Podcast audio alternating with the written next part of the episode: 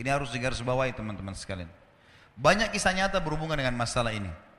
Kalau kita menggantungkan nasib kita pada Allah luar biasa. Ada seorang syekh. Saya dengarkan ceramahnya, menarik sekali. Saya tidak tahu orang itu siapa, tapi cuplikannya saya dapatkan dari seorang teman dari Jeddah yang mengirimkan ke saya. Orang ini cerita, syekh ini menceritakan, cuplikannya ada di HP saya, dia bilang, saya satu waktu pernah ke Mesir, dan di Mesir ini saya lagi dari satu daerah mau ke Kairo, dari Iskandaria, satu kota, mau ke Kairo.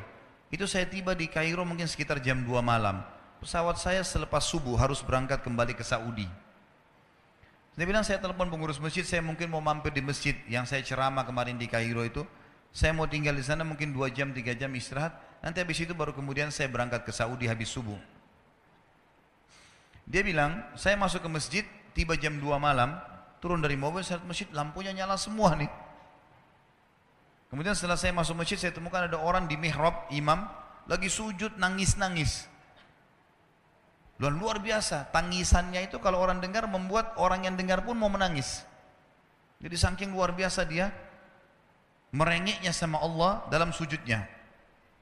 Kata Syekh ini, saya pun sambil berdoa sama Allah, ya Allah kabulkan permintaannya orang ini. Walaupun saya belum tahu apa yang diminta gitu.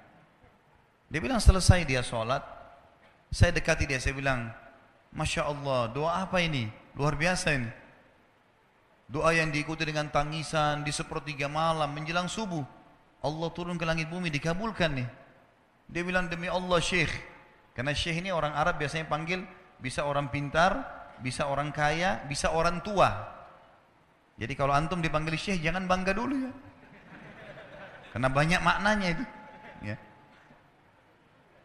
Jadi dipanggil Syekh. Dia tidak tahu biasa juga di Saudi begitu ya. Kalau ada orang kita tidak kenal dipanggil Syekh, Syekh sini Syekh. Walaupun antum bukan syekh sebenarnya gitu. Ya. Maka dia bilang demi Allah syekh. Dia tidak tahu kalau ini orang memang ulama gitu. Istri saya sekarang lagi dirawat di rumah sakit. Dan saya harus bayar 14.500 jenis atau pon, ponnya Mesir. Saya harus bayar rumah sakit. Kalau enggak istri saya enggak bisa dioperasi. Ini sudah parah sekali.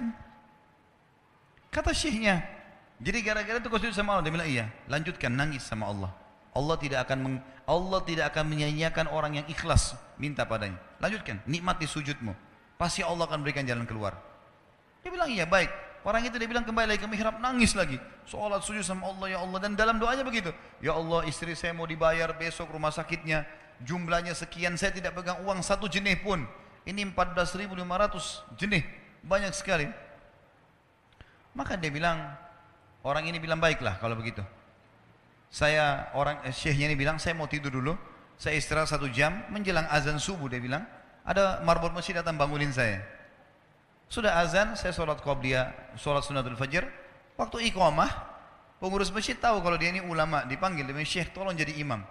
Dia bilang saya capek, baru istirahat satu jam, dua jam malam. Biarlah imam. Bilang tidak apa-apa, ayat-ayat pendek aja, baca surah-surah pendek aja. Kata syekh, baiklah. Dia bilang saya baca, saya baca surah-surah pendek.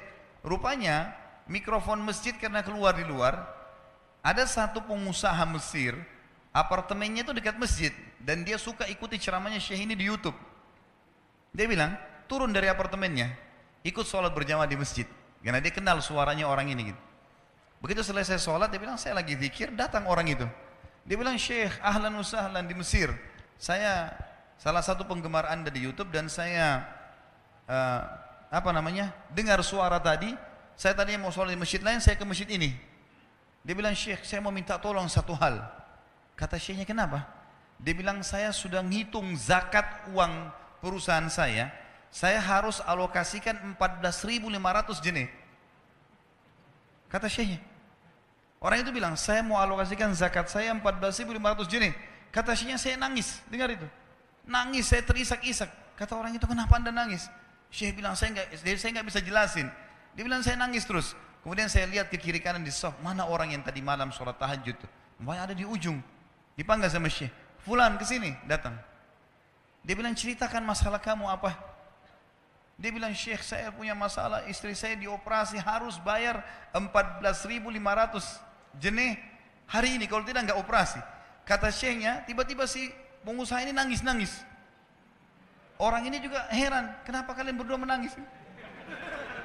Dia masih bingung kenapa gitu. Kata syekhnya biarin orang ini yang jelaskan. Yang punya usaha bilang apa? Demi Allah syekh, saya sudah satu minggu taruh uang ini di lemari saya, sudah satu minggu.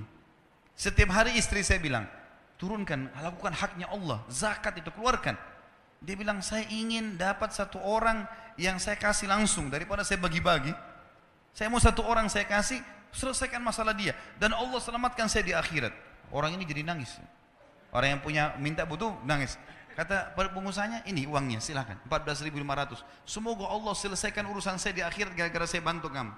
Kata syekhnya, demi Allah yang terjadi, orang ini, yang si, siapa namanya? Orang yang punya uang ini, yang dikasih uang, dia tiba-tiba lupakan saya dan lupakan si pemilik uang. Dia langsung angkat kepalanya ke langit sambil menangis mengatakan, Ya Allah aku mencintaimu. Jangan lupa klik like, komen, dan subscribe channel Pengemis Pahala.